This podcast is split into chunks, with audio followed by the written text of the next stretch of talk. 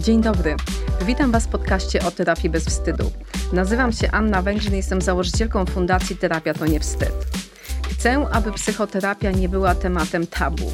Wierzę, że nasze działania sprawią, że profilaktyka zdrowia psychicznego stanie się codziennością. Dzisiaj yy, mam taki ważny dzień. Ważny dlatego, że spotkam się z moim gościem z taką bardzo, bardzo trudną historią, ale jednocześnie historią, która może być inspiracją y, dla wielu młodych ludzi. Y, kochani, moim gościem jest Agata Brokowska. Witaj, Agata. Dzień dobry. Y, bardzo się cieszę, że przyjęłaś zaproszenie do, do podcastu.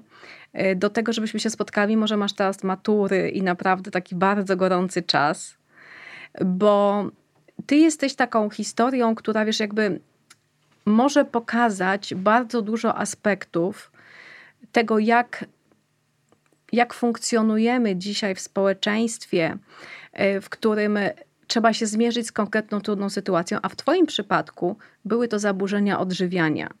A to jest jeden z tematów, numer jeden na liście dzisiaj nastolatków. Tak, niestety prze, e, przede wszystkim chciałabym powiedzieć, że bardzo dziękuję za zaproszenie. To dla mnie niesamowicie ważne, żeby mówić o tych e, sprawach, o tych kwestiach związanych ze zdrowiem psychicznym, bo sama wiem, że są to tematy tabu i co mnie ogromnie niepokoi, bo ja też przez około 4 lata ukrywałam swoją chorobę. To dla mnie było coś naturalnego. E, nigdy nie myślałam, żeby powiedzieć e, komuś, e, z czym się zmagam, bo czułam, że to jest ogromny stereotyp, że osoba, która zmaga się z zaburzeniami odżywiania, na przykład nic nie je, na przykład e, nie warto się do niej zbliżać, e, bo nie wiem, może e, czymś zakazi, nie wiem. A powiedz mi taką rzecz, bo mm, tutaj chyba mówimy o wstydzie, prawda? O takim braku akceptacji. Jak myślisz, gdzie było źródło tego wstydu? Bo myślę, że tutaj było kilka etapów. Jeden to był taki etap, kiedy ty mierzyłaś się z zaburzeniami odżywiania jako tylko ty, ale nie mówiłaś nikomu o tym.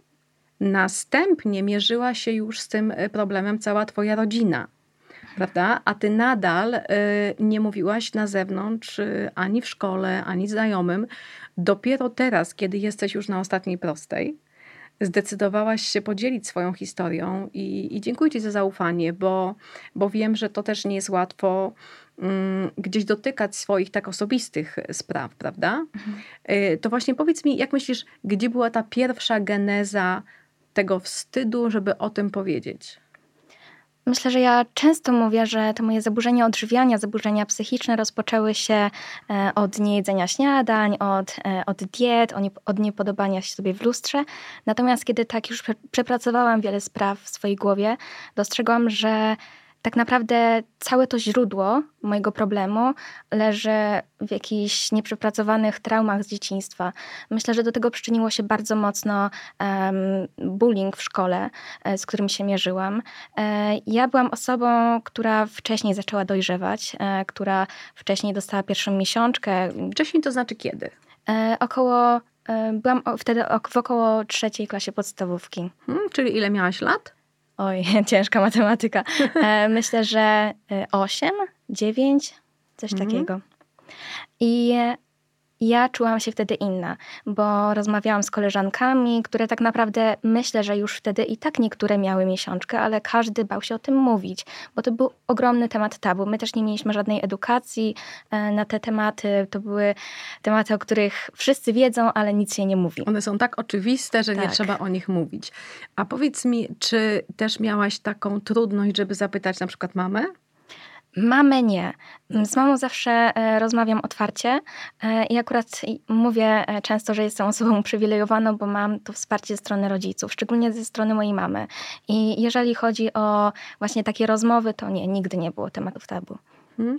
Tylko teraz mówimy właśnie o tym świecie nastolatków, bo kochani, to jest też ważne, nasz cykl jest również, a może przede wszystkim dla młodych ludzi, dla tych, którzy wchodzą w dorosłość, dlatego że zupełnie inaczej postrzega się mm, psychoterapię czy takie sytuacje pomocowe w wieku dorosłym, kiedy jesteśmy już y, dość y, mocno w tych naszych programach, w tych naszych y, schematach rodzinnych a zupełnie inaczej jest, kiedy wchodzimy w tą dorosłość. Teraz jest jeszcze taki etap, gdzie można zapobiegać. A pamiętajmy, że zapobieganie, profilaktyka ma y, dużo lepszy skutek niż później leczenie. Więc y, to pokazuje, że dzisiejszy nastolatek zmaga się, czy tak jak powiedziałaś o tym bullyingu, hejcie, czyli dzisiejszy nastolatek z czym najczęściej zmaga się w tym swoim środowisku rówieśniczym?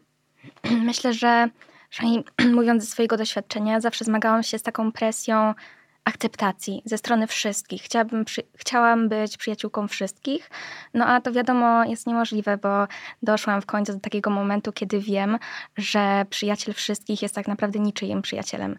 I ja wtedy byłam skoncentrowana tylko i wyłącznie na tej akceptacji ze strony innych. Chciałam ją uzyskać. Myślałam, że wtedy podniosę poczucie własnej wartości. Myślałam, że będę, stanę się kimś lepszym, kimś ważniejszym.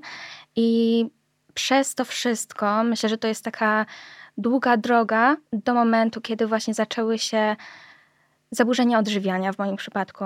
I u mnie zaburzenia odżywiania, również um, ta anoreksja, myślę, że w bardzo dużej ilości przypadków łączy się też z depresją. U mnie też wystąpiła ta depresja. I myślę, że właśnie to, co powiedziałam, ten bullying, ten brak akceptacji, wszystko było skumulowane. Gdybyś dzisiaj mogła czy mogła, gdy dzisiaj cofniesz się do tego czasu, kiedy, kiedy tak naprawdę ta frustracja wewnętrzna powstawała, to jak myślisz, co mogłabyś powiedzieć do swoich rówieśników? Na co warto zwrócić uwagę, żeby no nie popaść w tą sytuację, że ta potrzeba akceptacji tak wielu osób e, sprawi, że zapomnimy, żeby samemu siebie akceptować i swoje potrzeby? E, ja przede wszystkim uważam, że teraz w mediach nastała taka fala e, miłości do samego siebie, e, ciało akceptacji, ciało pozytywności, i myślę, że to znowu idzie w drugą stronę. E, mam na myśli to, że Wszyscy nakłaniają do tego, żeby od razu siebie pokochać, ale prawda jest taka, że zanim dojdziemy do bezwarunkowej miłości do siebie, najpierw trzeba się polubić, bo idziemy ulicą i to nie jest tak, że od razu patrzymy na kogoś, jakiegoś obcego człowieka i mówimy: O, kocham cię. No nie, najpierw trzeba poznać tę osobę i dopiero wtedy, kiedy pozna się ją, można mówić o miłości lub nie. Ale mówię tutaj, to jest taka wielka analogia do tego, do relacji z samym sobą. I ja zawsze byłam otaczana takimi hasłami pozytywnymi, pokochaj się, jesteś idealna, ale prawda jest taka, że nie muszę być idealna. To jest bardzo ważne, o czym mówisz, bo myślę, że też w dobie y, social mediów, w dobie pięknych, przefiltrowanych obrazków na Instagramie, na TikToku, na różnych innych y, mediach, w różnych innych mediach, niestety mamy taki to takie oszustwo, bo przecież to nie jest tak, że te zdjęcia, które są wszędzie wstawiane, że, że to jest właśnie o tym, że trzeba, że zawsze tak pięknie wyglądamy, że budzimy się z uśmiechem na twarzy, że budzimy się y, z, z wykonturowanymi ustami, prawda? Y, I z podkreślonymi jak y, jelonek rzęsami. Mhm. Tylko właśnie to, co ty powiedziałaś, akceptujmy siebie nie tylko wtedy, kiedy jesteśmy na 100%, ale w każdym wydaniu. Y, ja mam taki, nie wiem czy ty pamiętasz, od czego ja zaczęłam, ponieważ my spotkałyśmy się na takim y, spotkaniu y, na Roku Młodzieży razem z Agatą i ja tam miałam takie, takie wystąpienie. Czy ty pamiętasz, od czego ja zaczęłam moje spotkanie? Pamiętasz, jakie było pierwsze moje pytanie? Jakby co było tym mm. myślą przewodnią? Nie pamiętam, co było pierwszym pytaniem, ale wiem, pamiętam, że pojawiły się tam bardzo ważne kwestie, które dotyczyły bezpośrednio mnie, czyli między innymi ta ciężka praca e, i to, jak się e, człowiek czuje, ale nie wiem, czy akurat ma Pani to na myśli. Mhm. E, ja poruszyłam taki wątek dawania rady. Mhm. I tak, i zaczęłam zapraszać każdego, czy każdego, kto chciał, kto miał gotowość, czyli takie pytanie, Czym jest dawanie rady? No właśnie, ja Ci dzisiaj zadam pytanie. Czym jest dawanie rady? Co to znaczy, że ja daję radę? Prawda jest taka, że dawanie rad myślę, że czasem jest całkowicie nie na miejscu, bo Myślę, że człowiek powinien poznać w ogóle całą sytuację, e, zanim cokolwiek powie. I myślę, że jeżeli człowiek nie prosi o radę i nie chce jej otrzymać, to tak naprawdę nie warto jej dawać. I myślę, że y, to proszenie o radę, to dawanie rad, myślę, że to jest taka potrzeba tutaj nie wiem, ja to mówię tak e, mhm. teraz, mam burzę mózgów. E, chciałam powiedzieć, że to jest taka potrzeba, jakby chęć zrobienia czegoś na sobie, ale tak naprawdę nie ma siły, żeby zrobić to na sobie, tylko daje to komuś. I może podam na przykładzie, bo trochę mówię tak e, pokrętnie. Czyli na siłę uszczęśliwiania drugiego człowieka. Tak. Mhm. Mhm. Ja mówię to tak pokrętnie, ale chciałam tutaj sprecyzować, że e, ja na przykład teraz, albo jeszcze rok temu, ja mogłam dać milion rad każdej osobie do, odnośnie odżywiania, odnośnie zdrowego jedzenia, odnośnie jedzenia tłuszczów, odnośnie jedzenia wszystkiego, ale tak naprawdę kiedy przyszło co do czego, kiedy przyszło do mojej codzienności, ja nie potrafiłam zrobić. Wprowadzić ty, w życie. Tak, wprowadzić tych rad w, w życie, w swoje życie. Mhm. I próbowałam na siłę uszczęś, uszczęśliwiać innych, ale musiałam dojść dopiero do wniosku, że nie zbawię nigdy świata. I to był taki, myślę, że duży przełom w moim życiu.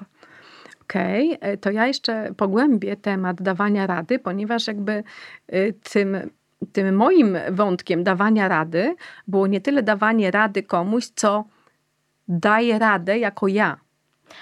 A, okay. Tak, i jeszcze druga odsłona dawania rady, czyli dam radę, poradzę sobie, dam radę, muszę dać radę. O czym to jest, kiedy, kiedy w mojej głowie, w naszej głowie jest myśl, dam radę, poradzę sobie? E, myślę, że to jest bardzo mocno związane e, z tą ciężką pracą, o której też Pani mówiła wcześniej e, w tym, w Kancelarii Prezesa Rady Ministrów. I wtedy właśnie Pani powiedziała, że że zawsze ojciec powtarza, że ciężko pracuj, to będziesz wspaniałym człowiekiem, wyjdziesz na ludzi, ale pamiętam takie słowa, których pani użyła. E, pani powiedziała wtedy, że nie trzeba pracować ciężko, wystarczy pracować mądrze i wystarczy pracować na swoje siły. Tak, bo mm, my często, teraz trochę taki komunikat będzie do rodziców, y, bo też jakby to, że młodzi ludzie, dzieci mierzą się z jakimiś problemami, E, najczęściej wynika też jakby z nieumyślnych e, błędów rodziców. Bo ja też wiem ze swojego pokolenia, ja jestem e, z tej, z tej historii dawania rady, że dam radę, czyli poradzę sobie sama. W definicji, jak ja tam prosiłam właśnie tych młodych ludzi, czym jest dawanie rady, to było, że daję radę wtedy, kiedy robię sama, kiedy robię sam, kiedy nie proszę o pomoc. Mhm. Prawda? Natomiast to dawanie rady, i do tego zachęcam wszystkich, y, wszystkich którzy, którzy będą nas tutaj słuchać, że dawanie rady to jest przede wszystkim zapanowanie nad sytuacją. Ale to, czy my zrobimy to sami, czy z pomocą innych, y, to nie ma już kompletnie żadnego znaczenia. A ja pamiętam, że też wyrosłam w takiej definicji, że dawanie rady to jest działanie samemu, to jest nieproszenie o pomoc. I ja też pamiętam, jak w późnym wieku uczyłam się prosić o pomoc. I dzisiaj myślę, że gdybyś, bo ty wyglądasz też na osobę taką bardzo ambitną i też mówisz o tym, że no przecież poradzę sobie, dam radę, prawda? Mm. Czyli jak długo miałaś poczucie, że sama dasz sobie radę z tą sytuacją? To jest bardzo trudne pytanie, bo ja nie wiem, czy przepracowałam to na tyle, żeby teraz powiedzieć o sobie, że że jedynie y, że dam radę z pomocą innych. Nadal uczę się prosić o pomoc, ale wiem, że kiedy byłam w najgorszym stanie swojej choroby, w najgorszym um, stanie depresji, anoreksji, wiem, że to są tak okrutne choroby, tak brutalne, że trudno jest poradzić sobie z tym samemu. I ja też długo wypierałam fakt, że jestem chora. Myślę, że tak po pół roku mojej choroby, moich zaburzeń odżywiania, e, dopiero przyznałam się przed sobą. I wtedy, kiedy przyznałam się przed sobą, rozmawiałam z mamą. Mama zawsze mówiła, że się niepokoi o mnie, i ostatecznie właśnie poszłam poszukać tej pomocy. I myślę, że mimo tego, że Akurat ja trafiłam na psychologów, którzy niestety mi nie pomogli, ale zawsze wiedziałam, że jak nie pójdę do jednego psychologa, do jednego specjalisty, to wiem, że mogę iść do drugiego, bo każdy jest człowiekiem i każdy inaczej wykonuje swoją pracę.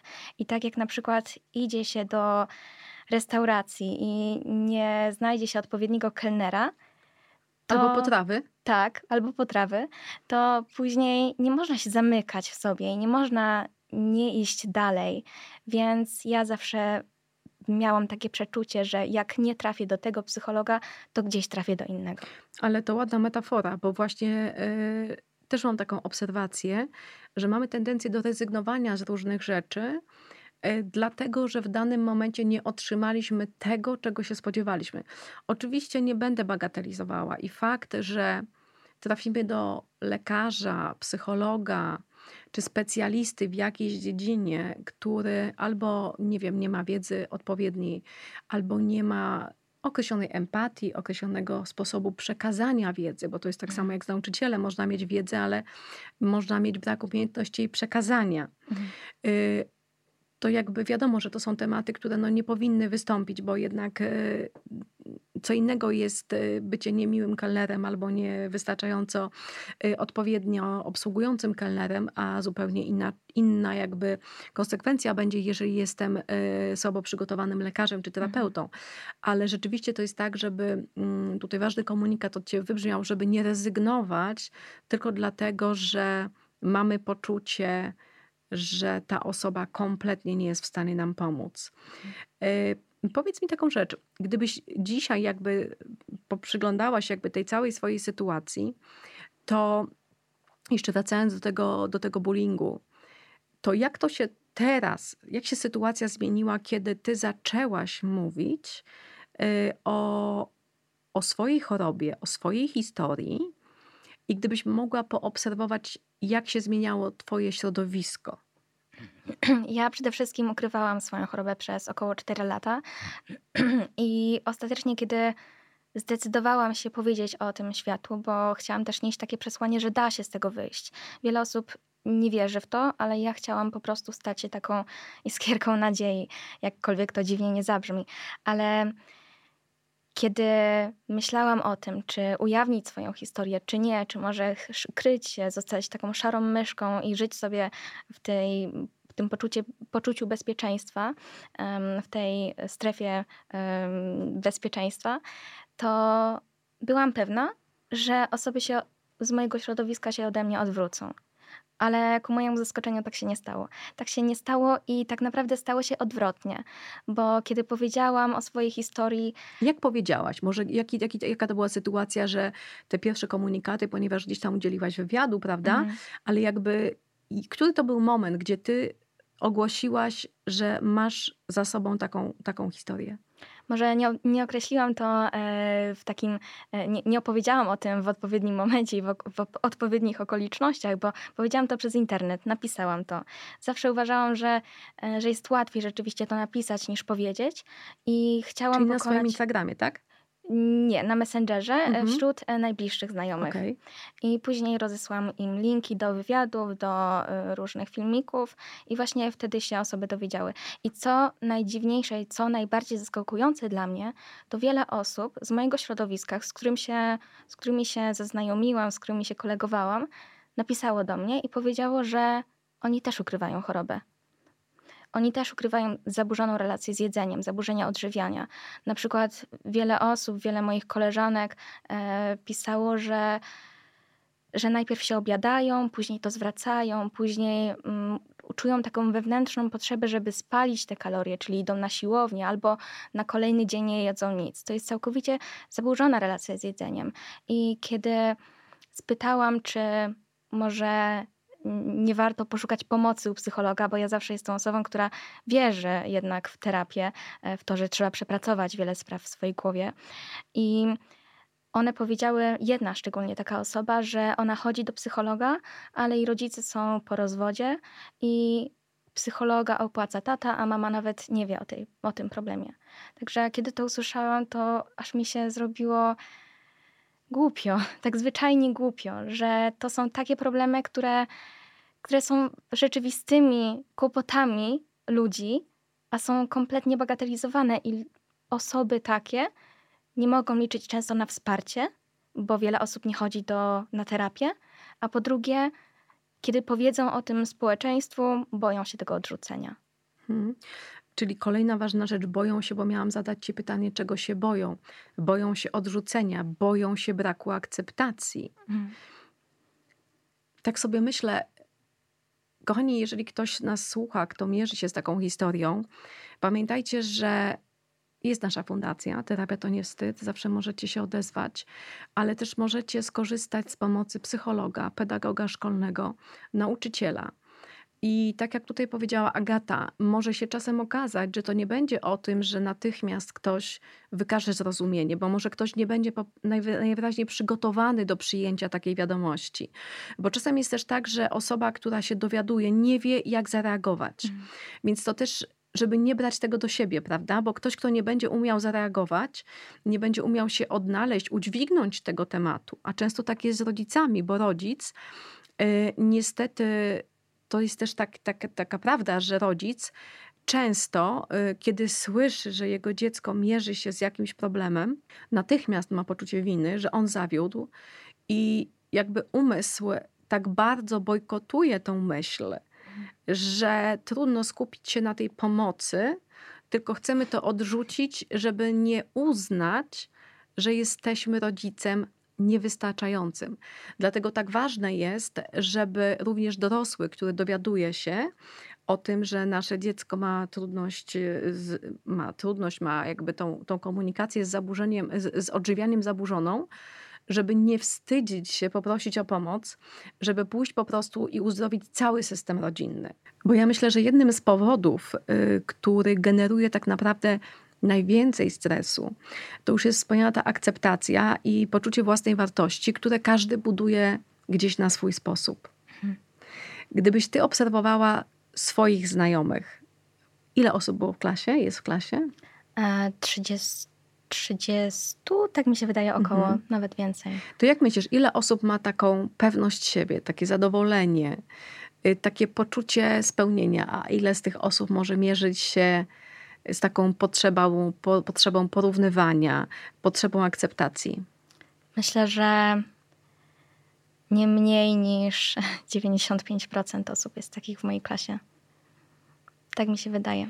Czyli tak. tylko 5% ma poczucie, że wszystko jest w porządku w ich życiu. Mhm. Ja też pozwoliłam sobie, yy, czyli zobacz, to jest, to jest statystyka straszna. Mhm. To jest straszna. Ja mam dzisiaj ze sobą yy, raport Gazety Wyborczej, który był e, stworzony na podstawie ankiet, badań 184 tysiące uczniów szkół podstawowych i ponad, ponadpodstawowych e, zostało przebadane w zakresie mm, poczucia własnej wartości i radzenia sobie. I okazuje się, że 9% dzieci i młodzieży w Polsce deklaruje, że podjęło próbę samobójczą, a niemal 19%, że planowało odebranie sobie życia. Więc e, to, co ty mówisz, przeraża. Naprawdę przeraża, ale jednocześnie te statystyki i te kolejne badania pokazują, że jeżeli czegoś nie zrobimy, jeżeli nie zwrócimy uwagi, e, no to kierunek będzie, będzie jeszcze trudniejszy. Jednym z elementów, gdzie młodzi ludzie sięgają tak naprawdę po zachowania autodestrukcyjne, jest samotność. Y, I tutaj y, ten raport, który został dzisiaj ogłoszony, pokazuje, że 36% y, młodych ludzi deklaruje, że czuje się samotny, że, że są samotne te osoby, i myślę, że nasza akcja, która powstała dwa lata temu, Usłysz i zobacz swoje dziecko, nie rok temu, mhm. Usłysz i zobacz swoje dziecko, wierzę głęboko, że znajdzie też przełożenie mm, na szerszą skalę na pewno będziemy chcieli coś zrobić z tym, bo, bo rodzice, mm, nie chodzi o to, żeby tutaj punktować rodziców, ale, ale to, że są zabiegani, nieobecni, zmęczeni, myślę, że też ma swoje przełożenie. I przede wszystkim konflikty też w rodzinie. Myślę, że właśnie kiedy wybuchają jakieś konflikty, szczególnie to, co już wspomniałam, taka sytuacja, gdzie gdzie ojciec płaci za terapię, ale matka w ogóle nie wie o problemie, a to dziecko mieszka z matką. E, to są w ogóle bardzo trudne sytuacje. Ja aż trudno mi sobie wyobrazić, bo nie wiem, czy gdyby moi rodzice byli w takiej sytuacji, czy ja bym sobie poradziła i czy, czy nadal bym wytrwała w tym leczeniu. No ja też jako mediatorka mam tutaj taki bardzo, bardzo silną potrzebę przekazania rodzicom, że jeżeli coś dzieje się z dzieckiem, to nie ma znaczenia, czy jesteśmy razem, czy jesteśmy osobno. Tutaj nie ma wyboru. Dziecko do prawidłowego rozwoju potrzebuje obojga rodziców. i jakiekolwiek wykluczenie i to, że dziecko potem musi rozgrywać ten slalom gigant pomiędzy tatą, mamą, tata wie, mama nie wie, mama nie wie, tata wie, to jest dodatkowy ciężar dla dziecka, dla, dla młodej osoby, która mhm. się musi mierzyć z tym, żeby być wystarczająca i taka, jak życzy sobie mama, i taka, jak życzy sobie tata. I najgorsze jest wtedy to, kiedy te życzenia rodziców są zupełnie inne i rozbieżne. To jest dwa razy trudniejsze do tego, żeby, no, żeby po prostu ta, mhm. ta osoba poradziła sobie z tym, co i tak już jest tak, tak trudne mhm. prawda, do pokonania. Kiedy rozmawiasz ze swoimi rówieśnikami, teraz już pewnie bardziej otwarcie, y, nie tylko o zaburzeniach y, odżywiania, ale tak w ogóle. Jak myślisz, gdybyś, zresztą ty deklarujesz, że bardzo byś chciała pomóc, bardzo tak. byś chciała zrobić mhm. Y, coś więcej w tej sprawie, to powiedz mi, od czego warto by zacząć? Jakie mogłyby być takie trzy kluczowe działania, które myślisz, że mogłyby poprawić obecną sytuację? Wiesz, tak właśnie, tak jak tutaj są te raporty na podstawie anonimowych ankiet, to gdybyś tak mogła wyciągnąć ty ze swojego środowiska, z tych rozmów kuluarowych? Myślę, że przede wszystkim e, warto było zwrócić uwagę na brak takiej edukacji szkolnej. E, I tu nawet nie chodzi o Jaki takie... przedmiot byś wyrzuciła? Co byś zamieniła? Myślę, że zamieniłabym przede wszystkim takie bardzo teoretyczne i bardzo niepotrzebne i nieprzygotowujące do życia e, przedmioty jak biologia, fizyka, e, chemia. Oczywiście one są ważne, ale jeżeli uczeń nie idzie konkretnie w tym kierunku, to można to zamienić na przyrodę. I normalnie e, jeszcze przed reformą edukacyjną. Rzeczywiście moja siostra, pamiętam, że miała chyba dwa lata przyrody w liceum, natomiast ja już miałam rok tylko przyrody i nawet to nie była przyroda chyba nawet już w ogóle wszystko e, wykasowano. E, I przez trzy lata, bo chodzę do e, czteroletniego liceum, przez trzy lata miałam około dwóch godzin tygodniowo fizyki, chemii, biologii i tego innego typu. Czyli wiesz, jak zbudowany jest pantofelek? Mhm. Tak, wiem, jak zbudowany jest pantofelek, ale nie wiem, jak sobie poradzić w sytuacji kryzysu i nie no wiem, jak mogę sobie poradzić, gdzie szukać pomocy i że w ogóle to jest normalne i że nie trzeba się tego wstydzić. Bo ja też powiem szczerze, że zaczęłam się zagłębiać trochę w te tematy, czyli zaangażowałam się w pracę y, taką, y, czyli to jest grupa robocza do, do spraw y, z młodym pokoleniem. I powiem szczerze, że to jest tak połączone naczynia wielo, wieloetapowe i samo dołożenie wiedzy na ten temat nie załatwi sprawy, bo trzeba odjąć, mhm. dlatego że podstawa programowa jest tak przeciążona, że wy macie tyle godzin, że jesteście tak zmęczeni, że nowych rzeczy już nie przyswoicie. Mhm. Czyli zamienić. Na przykład fizyka jest kompletnie niepotrzebna. Jeżeli nie idzie się na jakiś profil e, mhm. fizyczno-matematyczny, no to myślę, że nie jest potrzebna. I tak samo e, jak na przykład na biologii. Mieliśmy chyba jedną lekcję i to jeszcze w ogóle e, nie jakąś taką międzyszkolną, e, śródszkolną, e, tylko jeszcze chyba jakaś fundacja przyjechała i w wieku tam 10 lat rozmawialiśmy o miesiączce. Jak to, jak w ogóle do tego dochodzi, w ogóle o co w tym chodzi, no i jak sobie z tym radzić. No i dostaliśmy tam podpaski, dostaliśmy jakieś tam tampony i, i i książeczki e, informacyjne i to było wszystko. Plus był jeszcze taki ogromny temat tabu i kiedy ta fundacja przyjechała do naszej szkoły. Ja pamiętam, że dziewczynki zostały podzielone na, y, na jedną grupę, chłopcy na drugą grupę. No właśnie chciałam zapytać, czy to było razem chłopcy nie, i dziewczynki? Nie, to nie było. E, chłopcy szli na, pamiętam też, religię. E, dziewczynki poszły właśnie rozmawiać e, o miesiączce. I pamiętam, że kiedy wychodziliśmy z tej sali, wszyscy mieliśmy takie zażenowane twarze, że ojejku, tam co tam zostało powiedziane, to nie może wyjść, bo chłopcy się o tym dowiedzą. To był tabu, wielki temat tabu. I nawet kiedy wiem, że kiedy moi znajomi wracali do domu, to nie mówili o tym rodzicom, że takie coś się wydarzyło, a przecież każdy ma z tym do czynienia, każdy zdrowy człowiek i to jest całkowicie normalne. Mało tego, potem chciałybyśmy, żeby chłopak kupił nam bez stresu tampony w drodze mhm. na randkę, prawda? Tak. Mhm. No, więc taka edukacja dla chłopaków mhm. również byłaby super, bo mhm. oni też mogliby zobaczyć, co się dzieje z emocjami dziewczyny, prawda? Mhm. Co się dzieje y, w tych dniach y, trudnych i tak naprawdę z czym się, z czym się mierzą dziewczyny, prawda? Mhm. A jedyne, jeszcze powiem, że jedyną e, lekcją, którą mieliśmy na biologii e, odnośnie żywienia, zdrowego żywienia, nie podejścia do żywienia. To był temat związany z piramidą żywieniową, e, gdzie powiedziano nam, że najlepiej pić 2,5 e, litra wody, najlepiej jeść e, warzywa, tylko warzywa, znaczy nie tylko, ale gdzieś tam mhm. warzywa były na górze, a reszta była na dole. I można było dojść do przekonania i ja do takiego doszłam. E, z tego też myślę, że wzięła się przynajmniej jakaś część, no to mhm. wpłynęła mojej choroby. I byłam przekonana, że te warzywa mnie jakoś zbawią, że zbudują, że będę zdrowa, że będę lepszym człowiekiem, ale nikt na tej biologii, na tej pojedynczej lekcji nie wspomniał o tym, że zdrowe jedzenie nie równa się zdrową relacją z jedzeniem. A ta zdrowa relacja z jedzeniem jest tak naprawdę podstawą. Jeżeli jej się nie ma, to nie można tak naprawdę wprowadzać żadnych zmian.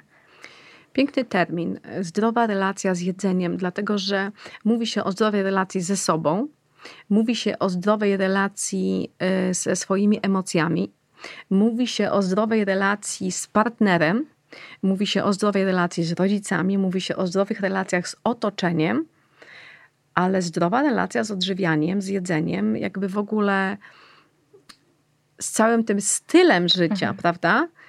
Y, związanym z, z odżywieniem? Nie. Więc myślę, że ja sobie wprowadzę ten, ten termin, zdrowa relacja y, i na pewno będę go używała i, i myślę, że może warto, żebyście sobie wy, kochani, wpisali gdzieś do swojego y, kalendarza zdrową relację z, z żywieniem, bo no bo zdrowa relacja, już sama nazwa wskazuje na to, że nie skupiamy się tylko na tym, co, ale i w jaki sposób, mhm. prawda? Mhm. Bo to nie jest tylko kwestia tego, co mamy na talerzu, tylko y, całokształt. Mhm. Y, a jeżeli chodzi o zaburzenia odżywiania, coraz więcej młodych ludzi ma zaburzenia odżywiania. Co prawda mówi się o tym, że statystyki są bardzo stare, prawda? Bo ja jak szukałam, to był, nie wiem, rok 2011, ale tak jak rozmawialiśmy wcześniej, to głównie wynika z tego, że trudno mieć realne statystyki, skoro się o tym nie mówi. Niestety tak. I jeszcze e, odnośnie tej zdrowej relacji z jedzeniem, e, został też wprowadzony niedawno do mediów społecznościowych e, termin intuicyjne odżywianie. Ja się bardzo z tym zgadzam, bardzo zgadzam się z założeniami, żeby jeść, kiedy czujesz głód i przestawać, kiedy czujesz sytość, czyli honorować zarówno ten głód, jak i sytość. To jest bardzo ważne. Natomiast myślę, że gdyby, gdyby te media społecznościowe wcześniej nie zburzyły tej tego, tej zdrowej relacji z jedzeniem, dla mnie w ogóle termin intuicyjne odżywianie nie ma sensu, bo intuicyjne odżywianie to jest kojarzone znowu z kolejną dietą, ale intuicyjne odżywianie to jest po prostu jedzenie. To jest po prostu jedzenie, kiedy się czuje głód i kiedy się czuje sytość, przestawanie. Także to jest znowu jakiś kolejny termin i kolejny jakiś stereotyp, że trzeba właśnie tak robić. Mhm. A powiedz mi, co zburzyło, czyli jakie zachowania mediów zburzyły y, to takie zdrowe spojrzenie na jedzenie? Mm, było tego tak dużo, że aż nie wiem od czego zacząć, ale myślę, że zacznę od, od sylwetki. Od tego, że kobieta, która jest kobietą sukcesu, która jest e, piękna, która jest ważna e, i która jest sławna, czyli takie jak wszystkie dziewczynki powinny być, bo uporządkowane muszą być i e, odważne. Grzeczne. Grzeczne, właśnie nie odważne, tylko grzeczne. I ten ideał piękna to jest kobieta wychudzona tak naprawdę, często nawet wygłodzona, bo patrząc na pokazach mody, jak patrzy się na, na, te kobiety, dla mnie to jest brutalne, bo ja, kiedy byłam w najgorszym zaawansowaniu mojej choroby, tak wyglądałam. I to jest promowanie zdrowego stylu życia. Myślimy, że zdrowa osoba to tylko chuda osoba. I nie wiem, może e, pani usłyszała kiedyś e, komplement, że przytyła pani. Tak, słyszałam, ale to jest fajne, co teraz mhm. mówisz, bo komplement, że przytyłam. Mhm. I już w mojej głowie rodzi się, czy komplement pasuje do słów mhm. przytyłaś. Mhm. Prawda? Całkowicie. Bo komplement, jak szczupło mhm. wyglądasz, wydaje się komplementem. Mhm. Ale kiedy ktoś do nas mówi, że przytyłaś, to raczej idziemy w kierunku, że ktoś tak. nas chce obrazić albo zrobić nam przykrość. I ja na przykład nigdy, może kiedy byłam chora i kiedy wychodziłam z choroby, to może wtedy usłyszałam, ale wcześniej nigdy nie usłyszałam komplementu, że przytyłam. I usłyszałam tylko komplement, że schudłam. Kiedy schudłam, to wiązało się z tragicznymi wydarzeniami w moim życiu. Powiem tak. Wtedy doszło do mojej choroby, doszło do różnych stanów depresyjnych. Ja wtedy nie miałam żadnego sensu na życie. Nie miałam sensu, w ogóle nie widziałam i nie chciało mi się nawet wstać z łóżka, robić takich normalnych, codziennych czynności. Wtedy schudłam. I wtedy ktoś mnie skomplementował. Natomiast kiedy ja przytyłam i kiedy nie dostałam tego komplementu, wręcz tak naprawdę społeczeństwo na mnie patrzyło, przynajmniej ja czułam na sobie mhm. E, ich wzrok, to kiedy przytyłam, to były najpiękniejsze okresy w moim życiu. I nikt mi za to nie pogratulował.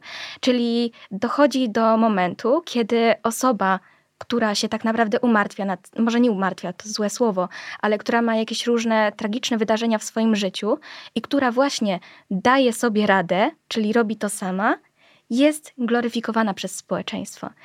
Czyli trzeba mieć ogromną ilość dyscypliny, żeby schudnąć, bo tylko wtedy dostanie się komplement. Mhm. Wiesz, tak sobie myślę, że też w ramach tej edukacji, psychoedukacji, też nie ma y, takich informacji, z których e, młodzi ludzie mogliby zrozumieć, co powoduje, że jedna osoba o takim wzroście będzie miała taką wagę, a druga będzie miała zupełnie inną. Bo każdy z nas ma inną grubość kości, mhm. prawda? E, I jedna osoba mająca więcej mięśni, więcej, więcej, nie wiem, grubszych kości, będzie miała zupełnie inną wagę, mhm. prawda? I w momencie, kiedy wchodzimy w ten okres dojrzewania i tego, nie daj Boże, porównywania się, mhm to niestety porównujemy trochę gruszki do jabłek, bo porównujemy, porównują się dwie zupełnie różne dziewczyny, które mają zupełnie inną genetykę, mhm. bo przecież nasza budowa ciała to jest genetyka i gdybym pękła, to nie będę miała szczupłych, bardzo szczupłych nóg i mhm. bardzo długich i choćbym nie wiem ile spędziła czasu na odchudzaniu, to one nigdy nie będą takie, jak y, są u dziewczyn, które są genetycznie już y, uwarunkowane do tego, że mają zupełnie inną budowę, prawda? Mhm. Czy wąska talia, czy szerokie biodra, czy, czy wielkość piersi. Mhm. Więc to jest też właśnie taki element, na który my nie zwracamy uwagi, te predyspozycje po prostu, tak? I gdzieś będziemy w stosunku do siebie bardzo, bardzo zakłócały sobie ten spokój, yy, nie zwracając uwagi na to, że my nie jesteśmy w stanie osiągnąć określonego wyglądu, mhm. tylko dlatego, że mamy zupełnie inne uwarunkowania yy, genetyczne. Nawet już nie, yy, faktycznie tak, te uwarunkowania genetyczne są bardzo ważne, ale właśnie nikt o tym nie mówi. Ale jeszcze ta sytuacja, o której właśnie mówię, że osoba, która schudnie, tak naprawdę ma wiele tragicznych w życiu, y, sytuacji w swoim życiu. I na przykład my ją komplementujemy, ale nie wiemy, że ona na przykład. Jaki jest koszt tego? Tak, że na przykład. Y, nie wiem, spędza całe dnie na siłowni. I ja na przykład zawsze też myślałam, że, e, że osoba szczupła ma e, szparę pomiędzy udami, więc zawsze stawałam przed lustrem podczas swojej choroby, no i patrzyłam, czy ta szpara się powiększa, czy pomniejsza. No i właśnie nie zwracałam uwagi też na tę kwestię genetyczną, że może ja nie mam takich predyspozycji, ale na z całej swojej siły um, chciałam to zdobyć. No i zdobyłam, ale miałam zagrożenie życia. I osoby, które właśnie mają tę szparę, mogą po prostu mieć inny układ kości. Dokładnie. I to już nie będzie dla nich zagrożeniem tak, życia, prawda? Tak. Więc porównywanie, mhm. się, y, porównywanie się jest bardzo, bardzo y, zgubne. Mhm. Powiedz mi jeszcze, gdybyś miała y, sobie tak podsumować ten czas, bo masz za sobą 4 lata, mhm. tak naprawdę, no myślę, że można powiedzieć walki o życie. Tak. Prawda? Y, takie momenty, w których y, czułaś, no bo też nie bójmy się powiedzieć, że były momenty, gdzie pewnie czułaś y, taką słabość, że czułaś, że może nie masz już siły. I co powodowało, że miałaś potem tą taką, takie odbicie, które sprawiało, że szłaś dalej? Że szłam dalej w złą stronę? W leczeniu, czy... nie, w leczeniu, w leczeniu. w leczeniu. Czyli rozumiem, że były też momenty takie autodestrukcyjne. Tak, mhm. tak. To opowiedz o nich. E, to jeżeli chodzi o momenty autodestrukcyjne, ja w ogóle uważam, że zaburzenia odżywiania są metodą na radzenie sobie y, z różnymi trudnymi sytuacjami w życiu. Ja pamiętam? Ja pamiętam też taką sytuację, że jeszcze niedawno właściwie, mimo tego, że już jestem bardziej zdrowa niż chora, y, nie zdałam prawa jazdy to mhm. był dla mnie po prostu ogromny, ogromna porażka. Nie potrafiłam sobie z tym poradzić. Mm, I w pierwszych chwilach od razu, co zaobserwowałam w swoim umyśle, to było: A, to ja dzisiaj nic nie jem. I ja nie podążyłam za tym, bo mam już wypracowane narzędzia, z którymi wiem, co się stanie, kiedy nie będę jadła, więc no, nie chcę znowu do tego wrócić. Ale wtedy poczułam, że właśnie taką reakcją, automatyczną mhm. reakcją na trudne sytuacje w życiu jest właśnie godzenie się. Wtedy czułam taką. Czyli takie karanie siebie za tak, coś. Kontrolę, dyscyplinę. Chciałam właśnie się ukarać. Natomiast um, właśnie jeżeli chodzi o te takie lepsze już momenty, e, ja też um, podczas e, swojej choroby, ja chorowałam, e, właśnie najgorszy stan mojej choroby przypadł na czasy, kiedy był COVID, kiedy były te zaostrzone restrykcje związane z niewychodzeniem z domu, więc siłą rzeczy nie pokazywałam nikomu swojej sylwetki, tego jak wyglądam. E, I, I trudniej ktoś mógł w ogóle też zwrócić uwagę, tak, prawda? I też tak. jakby to zareagować. Mhm. E, I też pamiętam, że po tych chyba dwóch, trzech latach siedzenia w domu, nagle zostały otwarte granice i nagle można było podróżować. I ja pamiętam wtedy, że wyjechałam z rodzicami do konkretnie Finlandii. I to był dla mnie taki wielki przełom. Zobaczyłam, mimo tego, że spędziliśmy tam chyba 6 dni, ja przez 5 dni robiłam sobie taką głodówkę, ale później, w ostatni dzień, spojrzałam sobie w lustro i pomyślałam: Agata, co ty sobie robisz?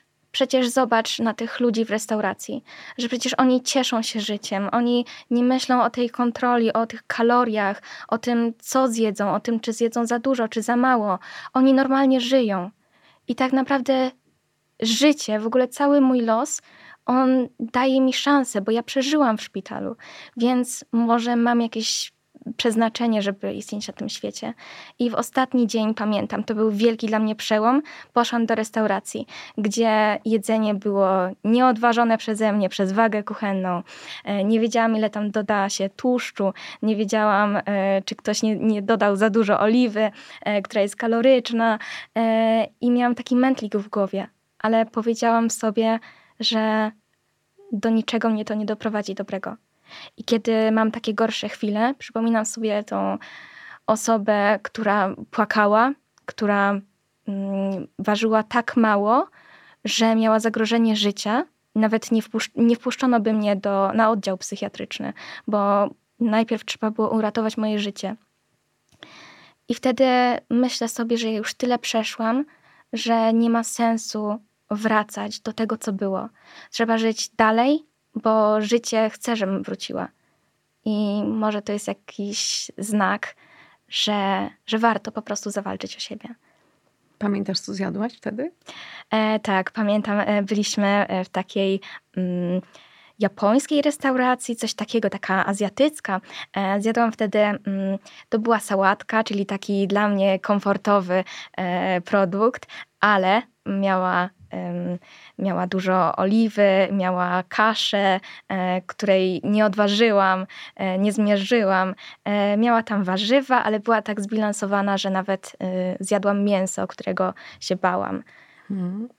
Wiesz, tu w międzyczasie padło takie dla mnie, mhm. bo ja jestem jakby nigdy, nigdy nie dotknęłam problemów odżywiania i odważanie jedzenia.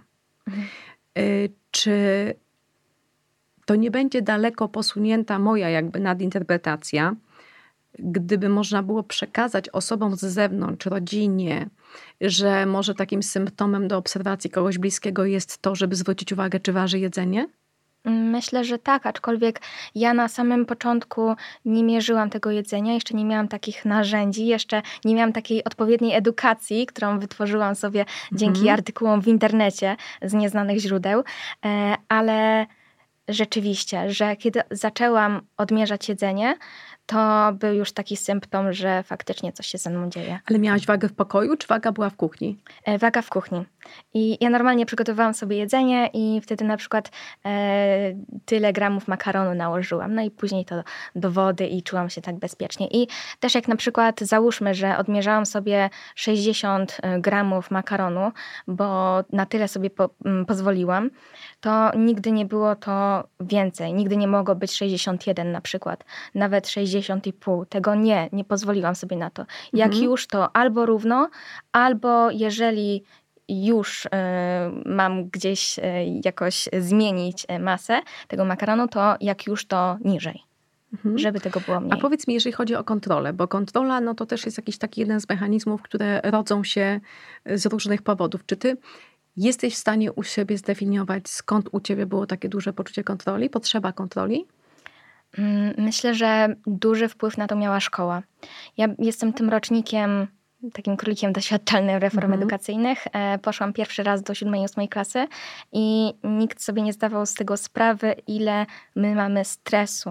I ja oczywiście wiem, że każde pokolenie ma bardzo dużo stresu w szkole, ale ten, te króliki doświadczalne, czyli moje pokolenie, mierzyliśmy się właśnie z, tym, z tą rywalizacją e, odnośnie tego, że dwa roczniki zmierzyły się w walce o jakby te same miejsca w liceach.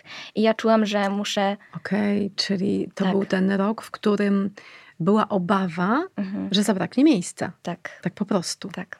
Mhm. Ostatecznie to tak nie wyszło, ostatecznie jakoś to tak e, się, e, nie wiem, zmniejszyła w ogóle ta presja. Nie wiem już o co o, ostatecznie chodziło, ale ta presja, jaką wywierały media, media społecznościowe i w ogóle media typu telewizja. Ja pamiętam, jak straszono nawet nas w jednym e, z reportażu, że będziemy się uczyć w barakach. No to Mhm. pierwsza myśl, która urodziła mi się w głowie, że muszę ciężko pracować, muszę chorować, bo tylko w taki sposób sobie zasłużę na jakieś e, dobre miejsce w dobrym liceum. E, No i ostatecznie chorowałam. Doszło do momentów, kiedy jak dostałam szóstkę, y, jak dostałam e, 5 plus z chemii, pamiętam, płakałam, poszłam do domu i płakałam, bo nie dostałam szóstki. To była dla mnie totalna porażka. E, bardzo trudne doświadczenie, e, mimo tego, że no zdałam mi to na świetną ocenę, ale nie potrafiłam sobie tego e, uzmysłowić. I doszło do momentu, kiedy nie miałam kontroli nad tym, ile czasu spędzam nad książkami, ile czasu spędzam w szkole. Miałam kontrolę nad jedną rzeczą tak naprawdę, czyli nad swoim wyglądem, nad swoją masą ciała i na tym, ile sobie nakładam na talerz. Czyli to była taka kompensata, kompensacja wszystkiego, na co nie miałaś wpływu, Tak. przerzuciłaś na talerz, bo tam miałaś wpływ. Mhm. Mhm. Nie wiem, czy to ci poprawi nastrój, czy nie, ale jeżeli chodzi o chemię, to ja trzy lata, trzy lata z rzędu w liceum miałam poprawki, żeby przejść do następnej klasy z chemii. Mimo, że wszystkie inne naprawdę kiedyś miałam świadectwa z paskiem, ale w szkole średniej chemia była przedmiotem, Mhm. którego szczerze nie znosiłam. Więc, y, więc tak, gdybym miała go usunąć y, Mhm. z listy, to też bym to zrobiła. E, Tak. Wróćmy jeszcze do, do tematu, y, od którego tak naprawdę zaczęłyśmy, czyli o tym zmieniającym się środowisku wokół ciebie.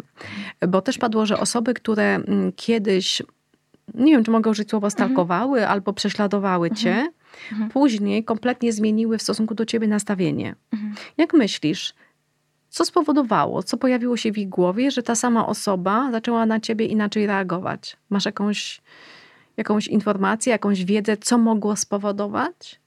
Em, nie wiem, nie chcę tutaj dochodzić do jakichś wniosków, ale myślę, że są takie dwie drogi.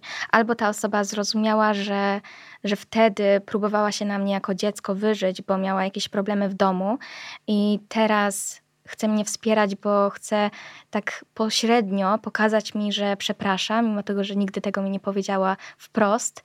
E, A druga sytuacja, e, o której tak e, myślę, że mogła się zdarzyć, to myślę, że może dostrzegli we mnie jakąś korzyść, że skoro jestem akceptowana przez dużą, duże grono społeczeństwa, to może mam coś do zaoferowania i mogę im coś dać. Myślę, Czyli że... to zintegrowanie się z tobą spowoduje, że oni też coś dla siebie wezmą. Myślę, że tak. Hmm. Gdybyś miała taką możliwość, żeby wyjść, ja zresztą postaram się, żeby jedna z edycji kampanii społecznej y, była przeznaczona na zaburzenia odżywiania. Na ten rok mamy zaplanowany już temat i na kolejny wstępnie tak, ale myślę, że będziesz mogła być ambasadorką y, takiej, takiej akcji, która będzie y, właśnie skierowana na zaburzenia odżywiania. Ale gdybyś już dzisiaj sobie wyobraziła, że stoisz na tej naszej scenie, z której mm, edukujemy, podczas której rozmawiamy, to co byś mogła przekazać swoim kolegom, swoim koleżankom, tym nastoletnim, żeby, żeby ich ostrzec? Żeby ich ostrzec, powiedziałabym przede wszystkim, żeby. Możesz tutaj do tej kamery dać taki manifest pierwszy. Proszę, nie porównujcie się, bo wiem, że to jest naprawdę bardzo kuszące, e, że chcesz chcesz być tak jak inni, chcesz być akceptowalna, ale to, co powiedziałam tutaj e, w tej rozmowie, że przyjaciel wszystkich nie jest niczyim przyjacielem. I ja też wiem, że wiele osób na przykład zamiast właśnie e, w e, zaburzenia odżywiania albo zaburzenia psychiczne idzie po prostu w alkohol, w używki. I to nie jest jakiś inny sposób na radzenie sobie z problemami. Więc jeżeli mogłabym coś przekazać, to przede wszystkim to, żebyście nie czekali, nie zwlekali i przede wszystkim nie wstydzili się prosić o pomoc.